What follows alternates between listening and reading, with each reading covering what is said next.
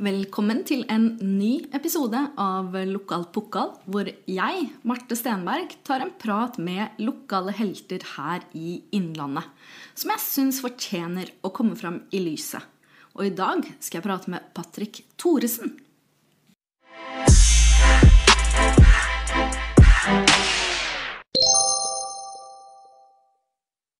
Ukens episode av Lokal pokal er sponset av Hvil vingene dagspa. Unn deg sjøl et velfortjent pusterom i hverdagen. Tusen takk for at du ville komme, Patrick. Det er skikkelig stas. Takk for at jeg fikk komme. Jeg tør påstå at ingen har satt Hamar på det internasjonale idrettskartet mer enn du. Med spill i de største hockeyligaene, NHL og KHL og en lang landslagskarriere har du prega norsk hockey i omtrent 20 år. Har du reflektert noe sjøl over hvor stort det du har oppnådd som hockeyspiller, faktisk er? Eh, nei, jeg tror ikke jeg reflekterer så mye på det. Jeg merker jo i eldre dager at man måte kan være stolt av det man har opplevd tidligere. Samtidig så er jeg jo fortsatt midt i Ikke midt i karrieren, men jeg er i hvert fall på slutten av karrieren og på en måte er fortsatt i det. da Så øh, jeg tror jeg kommer til å kjenne mer på det jo eldre jeg blir når karrieren er over, og at man kan lene seg tilbake og være stolt over ting man har oppnådd. da eh, eh så Du har liksom ja. ikke stoppa opp underveis og kjent på sånn Å, fy fader, det her er stort? Uh, nei, egentlig ikke. Og det er kanskje noe jeg sier til de de yngre på laget at man skal nyte det litt mer når man har det. Eh, for når man er midt i det, og kanskje midt i 20-åra, så, så, er man så er man så på en måte i det at man kanskje ikke tar seg tid til å reflektere over hva man eh, driver med, og hvor heldig man er. og eh, det er kanskje noe man eh, er kanskje lærdommen til de yngre. Da, at man bør gjøre oftere. For vi er veldig privilegerte å kunne drive med eh, hobbyen vår. Og og, og, ha det som jobb. Og det, det, skal man ikke ta for gitt, for det, det, er det ikke så mange som har muligheten til. Mm. Du var jo veldig ung da du dro utenlands som junior allerede. Og ble etter hvert signert av NHL-klubben Edmonton Oilers i 2006. Eh, husker du ditt første møte med NHL, og hvordan du opplevde det? Eh, ja, altså litt sånn eh, vagt. Eh, når man kommer over til en Når du kommer fra Hamar og kommer til Edmonton, så er jo Edmonton er jo egentlig en ganske liten by. Eh, hvis du sammenligner kanskje med New York og alle de store byene som fins i Nord-Amerika. Eh, men for meg så var jo Edmonton veldig stort, og du kommer til ekstremt store arenaer, eh, garderobefasiliteter som er eh, top notch. da. så det var kanskje de første inntrykkene man fikk. at her er ting på stell. Uh, alt var større? Ja, alt var større. Og ja, i klisjeene alt, alt skal være stort i Nord-Amerika. og det var det jo også. Så, så, så, gikk det vel eh, noen uker før man på en måte fikk eh, Fikk landa litt, og man eh, fikk en plass i laget også. Så det er jo var kanskje en enda større bragd, da, sånn at jeg klarte det. Så det var jo en det var noe jeg eh, faktisk tenkte på og fikk høre fra agenter, og det du har gjort nå, det skal du være stolt av. og sånne ting. Så det, det skjønte jeg var eh, litt mer unormalt enn eh, en normalt. Ja, for én ting er å på en måte bli signa, men en annen ting er jo på en måte å, å komme inn i laget ja. i en NHL-klubb. Ja. Hvordan, altså Jeg snakka faktisk med Petter Våganmoen i forrige episode om akkurat det her. At han fikk litt sjokk da han eh, ble proff i England. Og dro fram deg spesifikt som et eksempel på eh, å ha mental styrke nok til å klare den kynismen som det er eh, i utlandet, da, som man kanskje ikke er like stor i, i Norge. Mm. Hvordan opplevde du det? Eh, altså NHL er bygd opp på hierarki, som sikkert eh, det er i fotballen. Og den fikk man jo kjenne veldig sterkt på kanskje i år nummer to. Eh, der man måtte stå i det, og man Vi bodde vel på sånne hotelleiligheter i eh, tre forskjellige byer da, under en eh, sju måneders, åtte måneders periode. Og med to småbarn på slep, så var det veldig utfordrende. Og ehm, ja, det, det var kanskje det som måtte, var viktig, var kanskje at jeg kanskje var ung, for jeg var veldig uerfaren. Og tenkte at dette er, jeg hadde veldig fokus på det jeg skulle gjøre. Eh, Og når jeg ikke var i hallen, så hadde jeg veldig fokus på å bare være en så god pappa som mulig da, og, og kjæreste. Eh, Og så tror jeg det er veldig viktig at man har hatt en, en kone da, som på en måte har bare latt meg drive på, og så eh, ha fokus på, på det som skal skje på isen. For i ettertid så, så har det ikke vært Det året i hvert fall, nummer to i USA, var jo ikke veldig sunt for barna, sånn sett. For de var jo på kryss og tvers av hele USA og klarte aldri å etablere noe, noe, noe særlig vennskap til no, noen andre enn mora og faren sin. da. Men, men kjente du på som hockeyspiller på en måte Kjente du at du måtte jobbe med deg sjøl for å på en måte eh, ikke grave deg sjøl ned hvis du ikke fikk spilletid? Eh, altså Ja, altså det var Det er jo ure, Du føler jo kanskje på urettferdighet, men samtidig så eh, så følte jeg bare en sånn der her Jeg, jeg, jeg fikk eh, tilbakemeldinger på, fra gutta på laget at eh, du er god nok, men du blir litt, noe, litt sånn rævkjørt rett og slett av politikken. Så bare fortsett. Og det var på en måte en sånn der trygghet jeg kjente på. At ok, så gutta Ta tar mitt parti. Da er det ikke noe vits i å lage noe føss rundt dette. Og det Det hadde jeg ikke vunnet på i det hele tatt heller. Så jeg prøvde bare å bite tenna sammen og eh, jobbe hardt. Og eh, jeg tror det betalte seg med å i ettertid eh, med, med et, godt rykte med at eh, han eh, begynte ikke å klage når det begynte å gå litt tungt. Han eh, eh, ja, bora, bora huet Tok ned opp hansken, liksom? Ja, ja, rett og slett. Og, og tok kampen. Og så og så tapte jeg jo den kampen, for jeg ble jo bort, bortbytta og hele den pakka der. Men eh, jeg kjente på i hvert fall at jeg kom gjennom det styrka, da, og lærte veldig mye under den perioden òg. Ja, det syns jeg òg sånn utad at det føles ut som at eh, du kom styrka ut av den NHL-erfaringa, uh, sjøl om det ble at du ble bytta bort og Ja, og, da, og det tror jeg tok med meg eh, senere når jeg eh, gjorde en lengre karriere da, i, i, Europa, og kanskje spesielt i, i Russland, der man må ha veldig spisse albuer. Eh, Så eh, ja, det det du på en måte opplever som urettferdig noen ganger, kan være også veldig lærerikt. Mm. Men du ble jo da senere eh, signert for eh, Philadelphia Flyers og ble den første nordmannen til å spille NHL-sluttspill. Hvordan var det?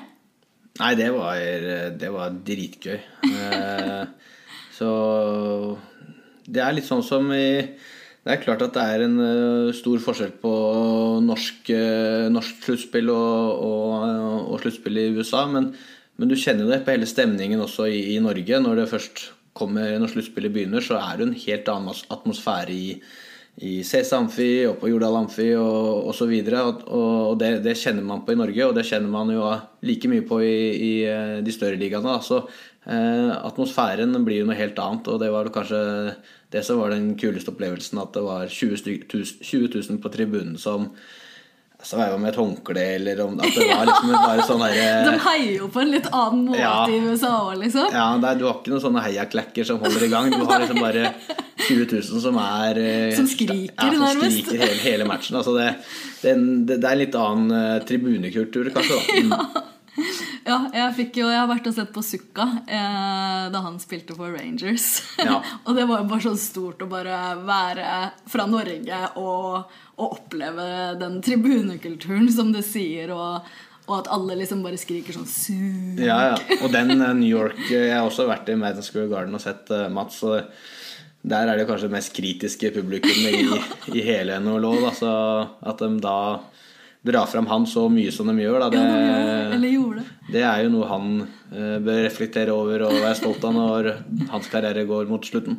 Ikke sant? Um, men følte du sånn utafor bana da du spilte NHL, var du superstjerne noe sted? Eller hvordan, hvordan var det? Nei, eh, egentlig, eh, egentlig ikke. Når jeg var i Edmonton, så er det en veldig sånn hockeytown. Men eh, jeg var jo kanskje ikke den mest uh, kjente spilleren på laget. Uh, Hendte selvfølgelig at du ble stoppa og, og, ditt og datt, men jeg tror nok det var ganske mange andre på laget som ble mye mer gjensendt enn meg. Så det er jo en såpass stor by at, at du ikke blir gjensendt av alle. Og når du da ikke er en sånn en av de bedre på laget eller mest profilerte på laget, så så, så, gikk vi ganske fritt der, altså. Det gjorde vi. Og det samme gjelder Philadelphia. Det er jo en kjempestor by også, så der fikk vi gå fritt og kunne dra på restauranter uten å, eh, å si, bli eh, plaga, da. Eller, mm. eh, så det, det, var ikke noe problem. Så ble det en sesong i Sveits før det ble KHL. Følte du deg helt ferdig med NHL-eventyret da, på det tidspunktet? Eller var det sånn at du, du ville gjøre valg eh, som gjorde at du kunne havne i posisjon til å spille NHL igjen? da? Nei, jeg dro til Europa for å få mer is til å utvikle meg eh, og få en ledende rolle. Eh, for å komme tilbake til, eh, til USA igjen. Så når jeg dro fra Philadelphia, så ble jeg ikke tilbudt den kontrakten jeg ønska. Og derfor valgte jeg å dra til Europa. Og så eh, kanskje gi familien litt mer sånn faste, trygge rammer da, eh, som man får i Europa. Et års pusterom for familien? Ja. Og så, og så dukka egentlig Russland opp, og fikk jo egentlig ingenting mellom Sveits-året og, og, og Russland-året. Men det kom jo senere et, et, et tilbud fra, fra NHL igjen, men da hadde jeg på en måte funnet meg en posisjon i Russland og russisk hockey og, og begynte å nærme meg 30-åra, og da ønska jeg ikke å, å, bryte opp det, da. Så Hvorfor det? Nei, det var jo et økonomisk eh, eh, spørsmål inni det. Og så vet jeg jo Kjente jeg litt til den politiske delen av, av NHL også. Eh, og starta vi egentlig ganske langt ned eh, der, da, eh, hvis jeg hadde valgt å dra tilbake i slutten av 20-åra. Eh, så da, da, valgte jeg egentlig bare å gå med det safe og trygge. og hadde egentlig lagd en plan da, med, for meg og, og, familien. Så ja, det var vel egentlig derfor jeg valgte å, å bli der. Mm. Og i russisk hockey har du jo markert deg virkelig, både for Salavat og St. Petersburg. Um, du har blitt russisk mester for begge to. Mm. Hvordan var livet som hockeyproff i Russland?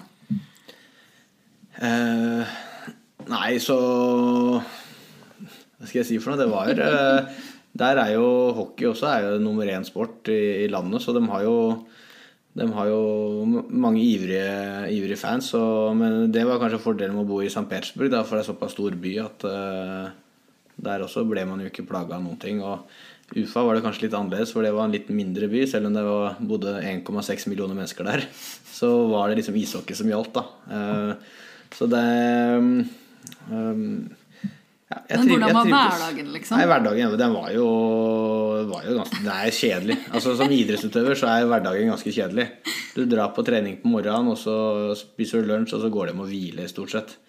Og så kanskje går du ut og spiser på kvelden, og så er det hjem og hvile igjen. Altså det er kan, det, er dritkjedelig. Så du har jo fått med det meste som fins på Netflix og HBO og Viaplay og you name it. Da. Så jeg har sett mye på TV og, og, gjennom de siste 15 åra. Ja. Da må man jo virkelig like den idretten man driver med. Ja, det må man. Hvis hverdagen ellers er på en måte så kjedelig. Ja da, jo, men det er jo mye plusser òg, selvfølgelig. Men uh, hverdagen blir, uh, er sånn. For du trenger kroppen trenger hvile. Du reiser jo en del. Spiller uh, ja, tre, noen ganger fire kamper i uka.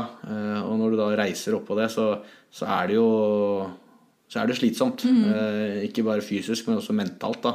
Og det å forberede seg til nye kamper hele tiden. så Uh, man trenger mye hvile òg, og da, da, er det godt å ligge på sofaen og se på TV, da. Hvordan var den tida for familien din, tror du? Den uh, Russland-tida? Nei, De første to åra var jo tøft for alle. Mm. Det var tøft for meg også, for da bodde de her på Hamar.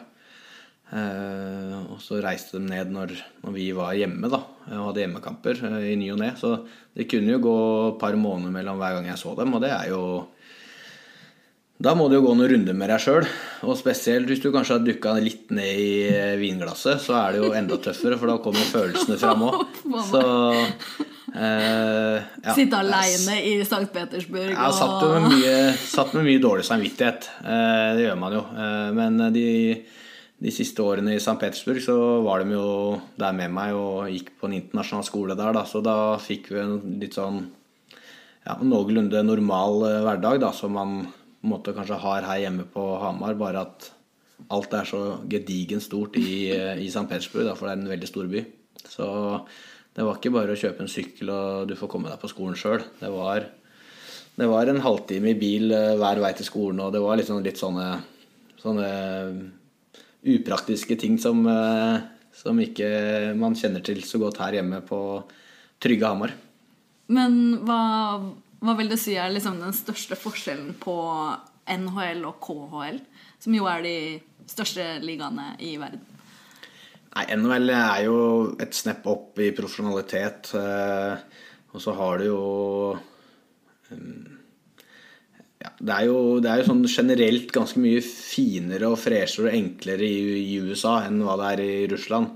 I Russland kunne det dukke opp uh, småproblemer av ingenting. og det å bare skaffe et, uh, et, visum noen ganger til familien, det måtte du jo krangle deg til, ikke sant? for de orka jo ikke å lage sånne invitasjoner og sånne ting. Så uh, du måtte krangle deg litt mer alt mulig i Russland. og mens i USA så flyter ting mye mer profesjonelt. Eh, og det er jo kanskje der eh, russere har mest å hente da, på å gjøre ting mer proff. Men under de syv åra jeg var der, så så jeg en veldig stor utvikling. Eh, og eh, fra år én til år syv. Så de, de eh, tok stadig steg eh, egentlig på alle områder. da. Og nå er det vel snart ikke igjen en eneste gammel hall da, i Russland. Nå har alle byer fått nye haller og fine fasiliteter. så Eh, det er sånn som USA har hatt i mange, mange år, altså. Um, ja, der ja. bygger man vel ny hall hvis den er omtrent ti år gammel. Så. Ja. så Nei, det er um, Litt mer profesjonelt. Ja. Så. Um, hva tenker du liksom Syns du det er ekkelt å tenke på at du kunne ha vært i Russland nå, som, uh, med tanke på alt som utspiller seg i verden, liksom? Uh, Nei, det, sånt, sånt tenker jeg ikke egentlig. uh, jeg er vel egentlig glad for at jeg ikke er der. Mm. Eh, så Har du noen ja. du kjenner som er der nå? Jeg kjenner jo veldig mange der borte. Men mm. jeg har ikke noe særlig kontakt med, med de, de, russerne da, som, som, som Så du veit liksom ikke hvordan det er å være der nå? Nei. Jeg, jeg gjør ikke det, altså. Tenker du noe på det, eller? Ikke veldig mye. Jeg gjør ikke det, altså. Så jeg, jeg syns jo det er like tragisk som alle andre at, uh, at det er som det er. Og at det er uh, innovasjonen. Og så, og så, tenker jeg egentlig ikke noe særlig på de jeg kjenner der nede. Hva dem sitter med tanker og følelser og Det er jo vanlige russere, ikke sant. Som, mm. som er som deg og meg her hjemme, ikke sant. Så det Nei, jeg er ikke veldig flink til å holde kontakt med dem, dessverre. Vi skal snakke litt mer om Storhamar og framtida. Eh, men først så kjører vi gjennom noen faste spørsmål. Spørsmål 1. Hva er din favorittspot eller plass her i regionen? Nei, Det er egentlig litt sånn, det kommer litt an på åssen eh, årstid det er. Eh, jeg er jo, det er jo veldig gøy å være i CS Amfi når det er 6500 der. På sommeren eh, i en varm eh, julidag så er det veldig godt å sitte ned på Mjøsfronten og, og ta seg en kald en og nyte vær og, og, godt selskap. Og så er jeg veldig glad i villmark. Eh, så reise litt opp på Hedmarksvidda og finne seg et vann og ligge rundt, rundt det vannet og kose seg med bål og, og litt telt. Det, så det er mange, mange sånne fine plasser eh, som, eh, som, jeg setter veldig eh, pris på. Og, men og litt kommer, spenn, da. Ja, veldig stort spenn, ja. Det er jo fordelen med på en måte Hedmarken sånn sett. At vi har jo så mye å tilby av forskjellige ting. Man kan dra til villmarken den ene dagen, og så eh, drikke seg brisen på Mjøsfronten den andre dagen. Ja, så, og da har jo alt sin periode i, i løpet av året, da. Så mm. Nei da, det, det er vel de tre jeg trekker fram. Jeg hadde kanskje trodd at du skulle trekke fram en padelbane òg, da. Ja. Padel, har, eh, padel tar, tar, litt tid eh, av dagen min eh, akkurat nå. Spesielt nå som sesongen er over, så er jo det på en måte det er jo en, en, en hobby jeg har fått, og noe jeg brenner for. Så ja, jeg håper jo at vi klarer å tilby Hamar-folket fine baner og gode fasiliteter i, i framtida også i Hamar Padel. Mm. Er det godt å på en måte ha fått en, en sånn stor interesse utafor hockeyen? Det er det. Eh, så er det jo foreløpig bare en, en hobby som mm. jeg, som jeg, har med noen kompiser. Og, og så får vi se hvor, hvor det fører en da, eh, videre. Men eh, absolutt noe, jeg kunne tenkt meg å jobbe enda tettere med da, etter karrieren er over. Det blir spennende, Patrick. Ja. Eh, spørsmål to. Har du noen andre lokale helter som inspirerer deg? Eh, ja, altså jeg, jeg, blir veldig inspirert av, av det Ståle Solbakken får til. Uh, det han har fått til gjennom FC København. Uh, det han er på vei til å få til nå med det norske fotballandslaget. han er en interessant person og veldig, veldig god for, til å prate og være en god leder og en ambassadør for norsk idrett. Så det er en sånn type som, eh, som inspirerer, meg, og som jeg eh, har eh, veldig respekt for. Og så er det jo personer som på en måte er rundt min hverdag, da, som jeg setter veldig pris på. Det er jo folk rundt klubben i Storhamar som legger ned utallig mye timer. og Blant dem så er Jostein Smeby en av dem, som er materialforvalter for oss. Han bor nede i ishallen eh, og gjør alt han kan for at både Storhamar ishockey skal være best mulig rusta på alle mulige måter, og også for at vi gutta i laget skal ha alt det vi trenger til enhver tid. Så det er, eh, det er kanskje et stort sprik mellom ja. Eh, Ståle Solbakken og Jostein Puma Smeby, men det er, det er sånne Jeg syns det er to fine ytterpunkter på lokale helter, da. Ja, helt klart. Veldig bra. Spørsmål tre. Når gråt du sist? Der måtte jeg faktisk spørre kona mi i går. Uh, jeg tror jeg kan, når jeg sitter aleine og ser på en film som er basert på en sann historie, så kan jeg nok få klump i halsen. Men når jeg gråt sist, det tror jeg faktisk må ha vært for tre og et halvt år siden, når vi mista vår lille hund, Molly. Ja. Og det var litt trist at vi måtte dra pluggen på henne på, på operasjonsbordet på på, på, hos veterinæren. Så det, det, da gråter jeg jo faktisk litt. Eh, vanligvis er jeg ikke noe flink til å vise følelser, men eh, jeg tror det var godt for både, både barna å se pappaen sin gråte litt og være litt lei seg. Ja, Hvordan reagerte de på det? Nei, sånn når uh, største sorgen hadde lagt seg, så ble det jo litt tulling rundt uh, middagsbordet, og pappa, du gråt faktisk. Så de, de, har ikke sett det så mye. Uh, og det er kanskje noe man bør være flinkere til å vise følelser. Uh, for man har jo det, jeg har jo det, jeg òg, som alle andre, men ikke så flink til å vise dem. Så hun, eller dem den ble nok litt sånn overraska over at jeg Det var bikkja som måtte til, liksom? Ja. Det var en hun som ble litt for ung, som, ja. som måtte til. Ja. Uff, ja. Jeg har grener sjøl av bikkjer som vi må ha måttet avlive. Så. Ja. Men har du grått noen gang liksom, av idrettsprestasjonen din? Uh, nei, det har jeg ikke gjort. Og det er kanskje noe man uh, Det er noe jeg kanskje hadde gjort nå mm. i mine eldre, eldre dager. dager. for man vet jo hvor vanskelig det er å, å, å vinne. Mm. Så, så, tror jeg det fort kunne ha kommet en tåre i mine eldre dager om man hadde opplevd å vinne igjen. Så, men når man er yngre, så tar man det dessverre litt for gitt av å være med å vinne. Og da får man ikke reflektert på det på samme måte og eh, vet ikke helt Man forstår ikke hvor mye som kreves, da. Så ja. Patrick er så ufattelig imponert over karrieren du har hatt og fortsatt har. Eh, du har satt både Norge og Hamar på idrettskartet i de aller største ligaene i verden. Og den mentale styrken som kreves for å lykkes i de to ligaene, eh, tror jeg ikke det er mange som egentlig klarer å forestille seg engang. Eh, og at du velger å komme hjem igjen og gi tilbake til moderklubben og skape bra ting i Hamar, eh, gjør meg rett og slett rørt. Så tusen takk for at du gjør det.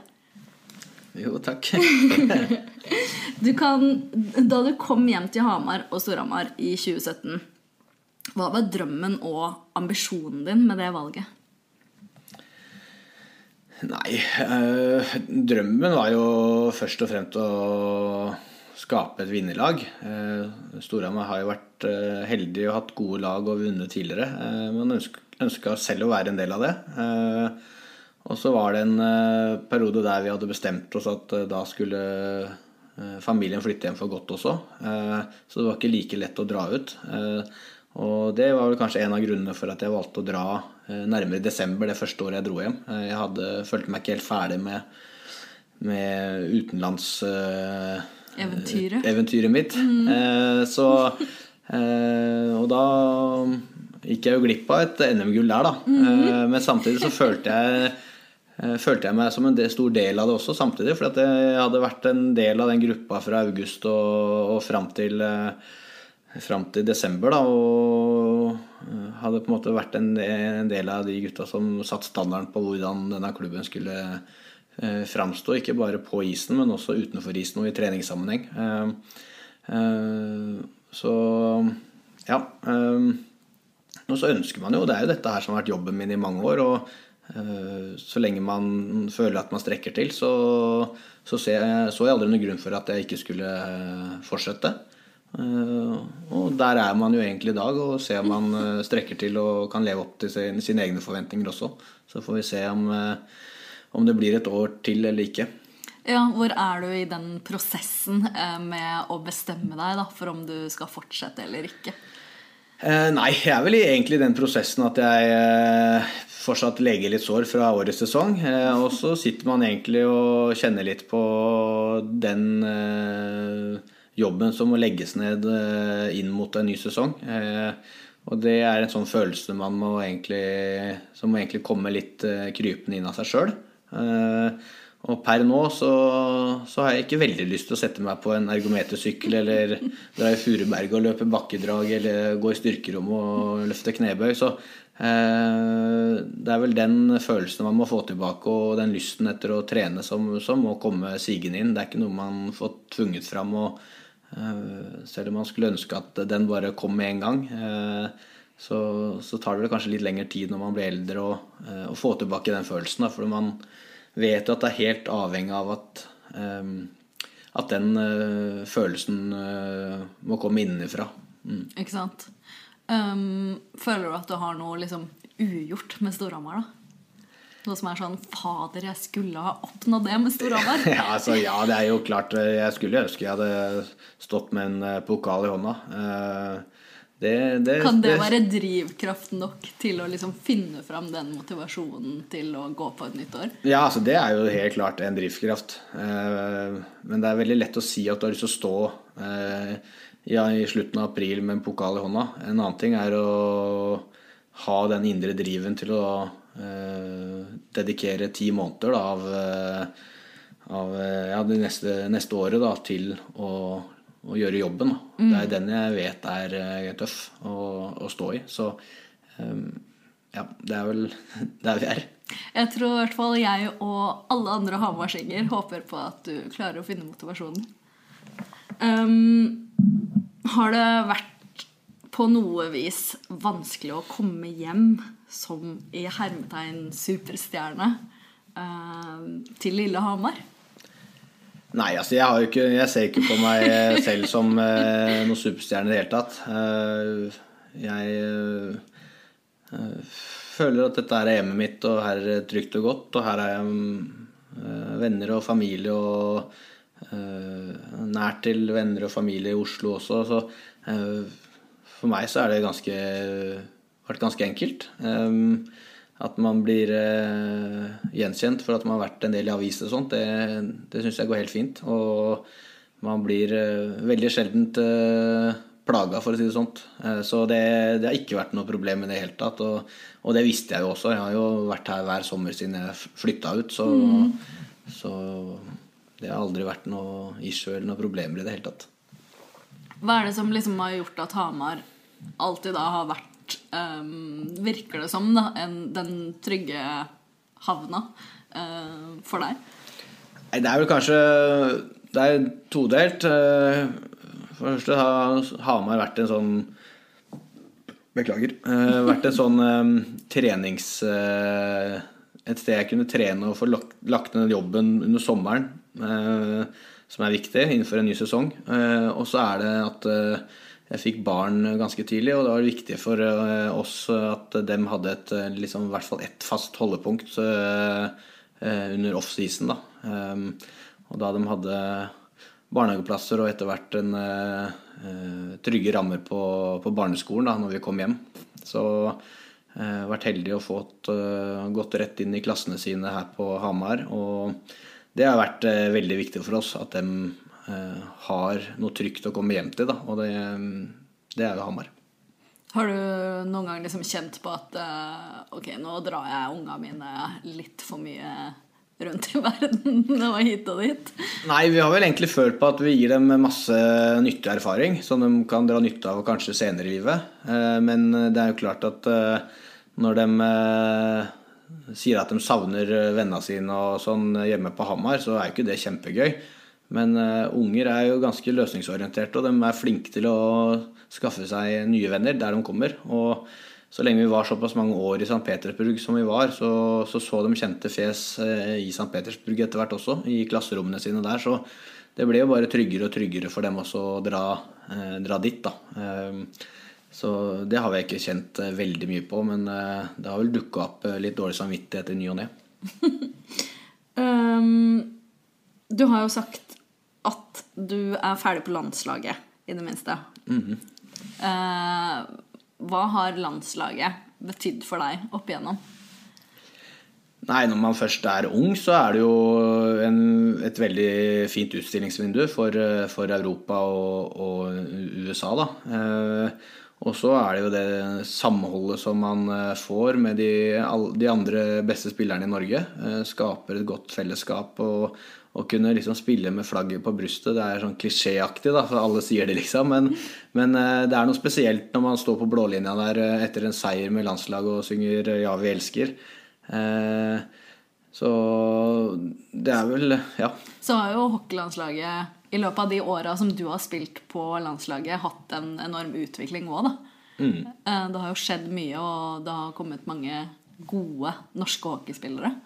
Ja, det har vært en uh, periode der det var mange som, uh, som leverte på høyt internasjonalt nivå. Og det, det gjorde at også landslaget var veldig godt i en Og i hvert fall var en utfordrer til kvartsfinale nesten hvert år i en tiårsperiode. Og det mm. var jo en en gyllen årgang, og så, så, tror jeg fort det kan skje igjen. Jeg syns det ser veldig lyst ut nedover, men det er jo et generasjonsskifte.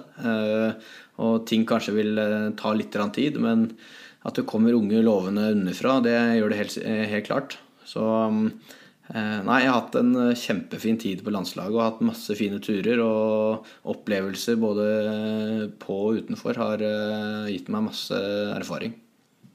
Nå har vi jo mimra litt om karrieren din. Er det noe som du kjenner at du er mest stolt av?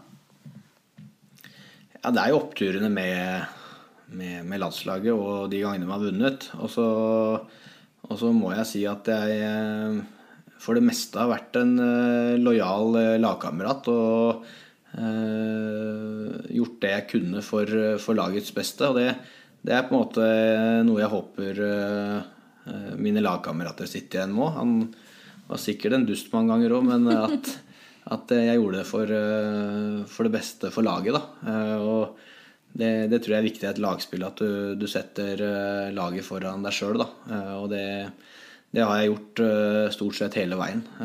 Og så vet vi alle at skal du lykkes i utlandet, så må du ha et snev av egoisme også. Og det har jeg nok. Men jeg har alltid forstått at skal du lykkes som enkeltindivid, så er du også helt avhengig av å få med deg de rundt deg. Så ja. Hva er drømmene for framtida di nå, da?